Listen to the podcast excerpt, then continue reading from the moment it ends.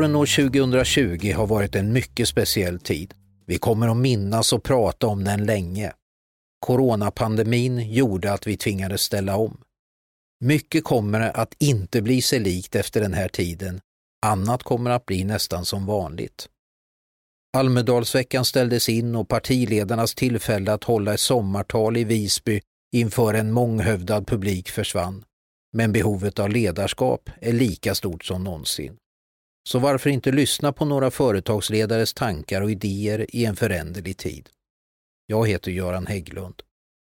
Årets Almedalspratare är fem företagsledare som berättar om samhällsutmaningar, innovativa lösningar och engagemang. Ledarskap är alltid av betydelse, men inte minst i omtumlande tider, som nu. Jakob Tellgren är chef för läkemedelsföretaget MSD i Norden och Baltikum. Vi kommer att få höra honom berätta om bakslag som en del av vägen framåt. Om sin passionerade tro på vetenskap, kampen mot bland annat HIV och HPV, om erfarenheterna från åren i USA och hur hans syn på Sverige påverkades.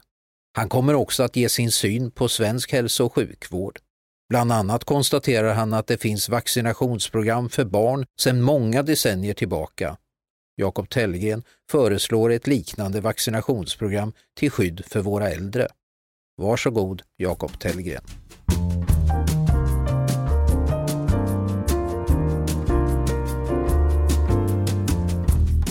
Det var varmt i Mexico City. Men inne i den enorma konferensanläggningen var temperaturen behaglig. Världskongressen AIDS 2008 skulle snart avslutas. Nu återstod bara det stora talet. Ulf och Håkan, vårt team på plats i Mexico City, var nervösa. Faktum är att de kände lätt obehag inför anförandet som chefen för International AIDS Society strax skulle hålla. Merck Company, som MSD heter i USA, hade genomfört en vaccinstudie inom HIV. Förhoppningarna var skyhöga. Strax innan kongressen inleddes kom beskedet att studien hade avbrutits i förtid på grund av att man inte kunde visa någon effekt. Ulf hade känt sig olustig under hela konferensen och hade flera gånger funderat på att vända sin konferensbricka så att ingen skulle se vilket bolag han representerade. Han visste att besvikelsen var stor bland den unika mixen av forskare, läkare, industrifolk, patientföreträdare och patienter som fanns på plats. Men nu var det dags. Timmen kommen. Chefen för International Aid Society tog plats på scenen. Han började långsamt och med stort allvar att tala. Innan jag börjar mitt tal vill jag speciellt tacka MSD. Ni nådde inte ända fram den här gången, men ni försökte hitta ett vaccin mot HIV. Snälla, fortsätt. Sluta inte. Tack för att ni försöker och tack för att ni delar era studieresultat. Stående ovationer utbröt bland de ungefär 10 000 åhörarna. Ulf och Håkan tittade på varandra i total förvåning. De kunde inte tro vad som hände. Allt som de inte hade förväntat sig. En stund av stolthet. Det tog flera år innan jag fullt ut förstod varför den här händelsen är så viktig. Den är också en viktig del i varför jag har en passionerad tro på forskningsbaserat företagande och vikten av långsiktigt samarbete. HIV-resan har varit dramatisk. Från bokstavligt talat en dödsdom på 1980-talet med inga tillgängliga behandlingar till idag fortfarande en mycket allvarlig sjukdom men behandlingsbar och något man i många fall åldras och lever ett långt liv med. Vår resa har inte slutat. Vi drivs framåt av att fortsätta arbeta med förebyggande behandling och att stoppa HIV och aids-epidemin som fortfarande pågår globalt. Då som nu, i tätt samarbete med akademin och hälso och sjukvården. Idag har vi en ny epidemi, en pandemi, att hantera. Det finns vissa likheter mellan HIV och covid-19. Få virus har orsakat så mycket rädsla som HIV. Fram tills nu. Precis som när HIV slog till för 40 år sedan har vi inget botemedel och inget vaccin mot det nya viruset. Men vi är många inom den forskande läkemedelsindustrin som snabbt har påbörjat forskning och utveckling av vaccin och botemedel. Lägg till detta alla insatser inom akademi och sjukvård. Vi som företag har nu tre pågående projekt kring vaccin och behandling av covid-19. Alla bygger på olika sätt på tidigare forskning och plattformar. Vi har med förskräckelse sett hur covid-19 har slagit till hårt mot våra äldre.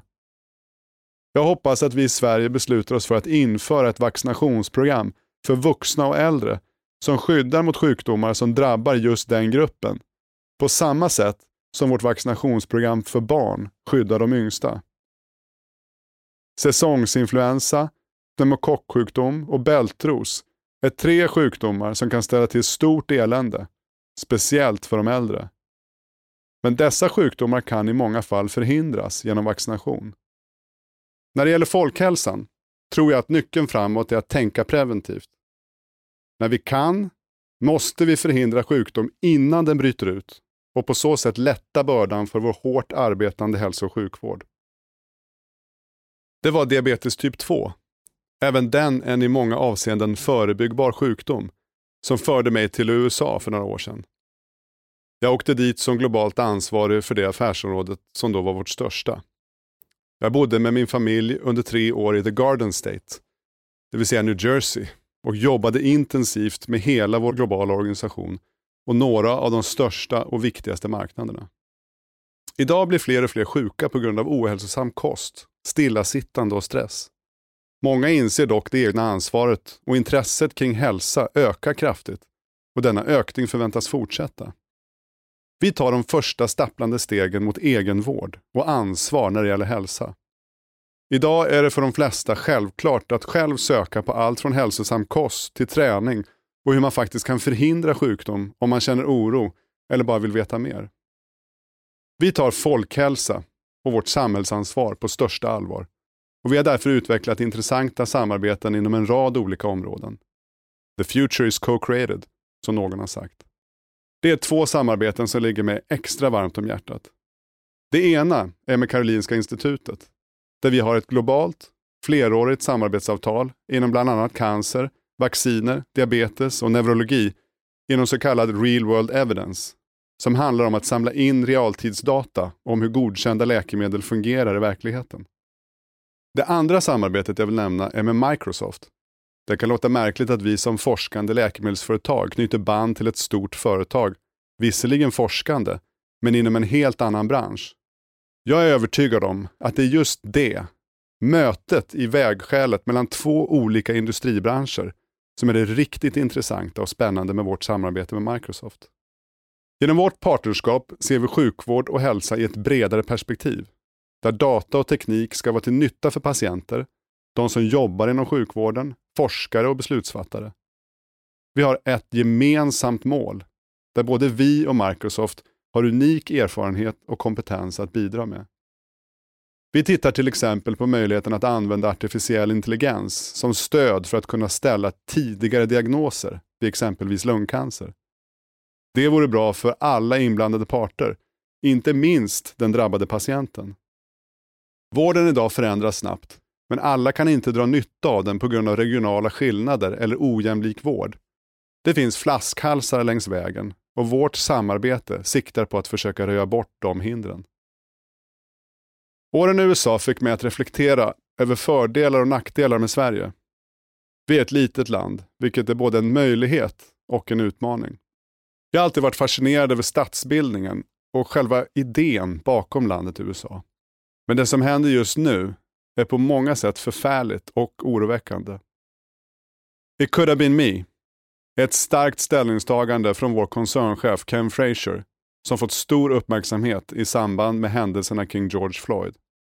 Deras hälso och sjukvårdssystem har också stora utmaningar. På ett personligt plan uppskattade jag hur framåt amerikanerna är. För en svensk kan skillnaden vara extremt stor. Det kan nästan upplevas vulgärt hur amerikaner utan att blinka kan lyfta fram alla sina personliga och professionella styrkor. I Sverige behövs nästan pistolhot för att få någon att klämma ur sig något liknande. till och med under en anställningsintervju. USA och Sverige skiljer sig åt mycket vad gäller work-life balance. Vi hade en granne som jobbade på Wall Street. Jag tror jag såg honom tre gånger på tre år, trots att våra barn lekte tillsammans nästan varje dag. I Sverige är vi bättre än i USA på det här. Men jag måste tyvärr erkänna att hitta den perfekta balansen, det är inte min paradgren. Det är inte så enkelt och lätt. Men det blev faktiskt lite lättare efter jag läst en intervju med Johanna Adami, hon som är rektor på Sofiahemmet högskola. Hon menade att det värsta uttryck hon visste, det är att få ihop livspusslet. Som om det på allvar var så att folk tror att bitarna faktiskt passade ihop. Jag tycker det är tänkvärt. Tack Johanna. En annan sak jag funderat på är det amerikanska kallpratet. Jag gillar det eftersom det faktiskt fyller en funktion. I USA är det lätt att skaffa nya bekanta. Man kan faktiskt till och med börja prata med någon i affären utan att anses som galen. Världen känns genast lite varmare och mer tillåtande genom att faktiskt säga hej och fråga hur personen mår. Men, men jag skrattar alltid till när jag tänker på det första tiden då jag faktiskt försökte stanna och svara på frågan How are you? Bara för att konstatera att den som frågade redan var 50 meter bort. Alltså, det är ju inte meningen att man ska berätta i detalj hur man mår. Det är bara att slänga ur sig I'm good, and you? Och sen hasta vidare. Men något som USA inte har, utöver det svenska allvaret förstås, är den otroligt vackra svenska skärgården. Jag saknade skärgården svårt under åren i USA. Somrarna spenderar jag med familjen på vårt sommarställe, någonstans mellan Sollenkroka och Möja. Den bästa delen, åtminstone av Stockholms skärgård. I Stockholms skärgård finns ett unikt stycke natur. 35 000 öar inom en relativt liten yta. Det finns bara här. Det var faktiskt skärgården som i mångt och mycket var en bidragande orsak till att vi flyttade tillbaka till Sverige. Skärgården och en offer I couldn't resist. Men nog om skärgården. Våren 2019 fick jag frågan om jag ville leda MSD i Norden och Baltikum. Positionen är placerad i Stockholm på vårt kontor mitt i det växande life science-klustret i Hagastaden. Precis bredvid Karolinska sjukhuset och Karolinska institutet och många andra små och stora företag inom life science. Plötsligt var jag tillbaka på kontoret som jag en gång i tiden byggde upp som Sverige-VD. Fast den här gången med helt nya uppgifter och utmaningar. Min starka drivkraft nu är att vi behöver fortsätta investera i life science. För oss är både de digitala förutsättningarna och de forskningsresurser länderna i regionen erbjuder viktiga. De resurser jag speciellt tänker på är systemstruktur, teknisk kompetens, tillgångar som kvalitetsregister och hälsodata samt en framåtblickande vision. I Sverige har vi till exempel Centrum för hälsodata som ett bra exempel på den typen av infrastruktur. Länderna i Norden och Baltikum är dessutom intresserade av samverkan mellan akademi, vård, näringsliv och politik. Det ger oss möjlighet att testa nya modeller för samarbete så att vi snabbt kan ge patienter tillgång till nya behandlingar. På sikt tror jag att det kommer att gynna forskningen och öka våra investeringar i klinisk forskning i regionen. För er som inte är insatta i läkemedelsbranschen så är en klinisk prövning en otrolig möjlighet för patienter att ta del av forskning i framkant och nya potentiella behandlingsmetoder. Jag känner stor stolthet när jag tänker på mitt företags mer än 125 år av forskning. Vårt fokus det senaste århundradet har varit på att utveckla läkemedel och vaccin för att hjälpa och bota patienter som drabbats av några av de svåraste och mest utmanande sjukdomarna i världen. En cancerdiagnos förändrar livet. Så är det. Många pratar om livet före och efter beskedet om cancer. Den goda nyheten är att under de senaste årtiondena har överlevnaden för de som drabbas av cancer ökat kraftigt. Nu är inte en cancerdiagnos en automatisk dödsdom. Idag kan man i många fall behandla och leva med sin cancer under lång tid. Känns det bekant? Precis som med HIV är vi som jobbar inom området på väg att vända en dödlig sjukdom till en sjukdom som det går att leva och åldras med.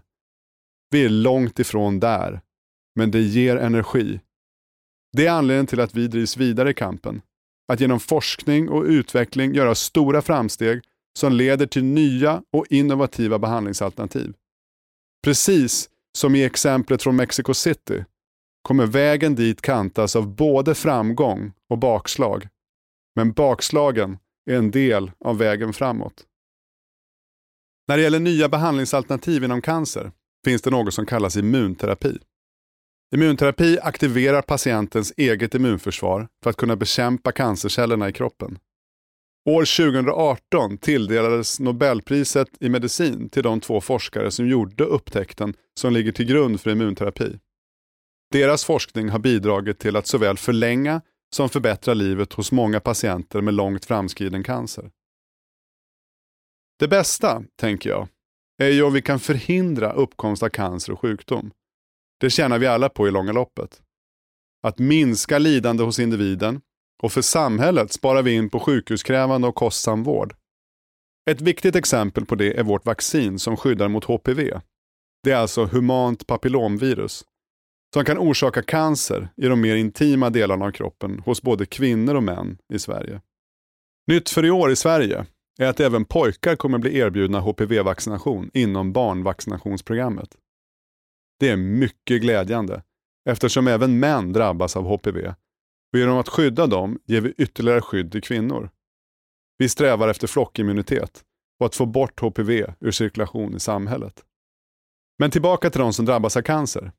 Med nya verktyg att tillgå i kampen mot cancer krävs också att patienter får tillgång till behandlingen.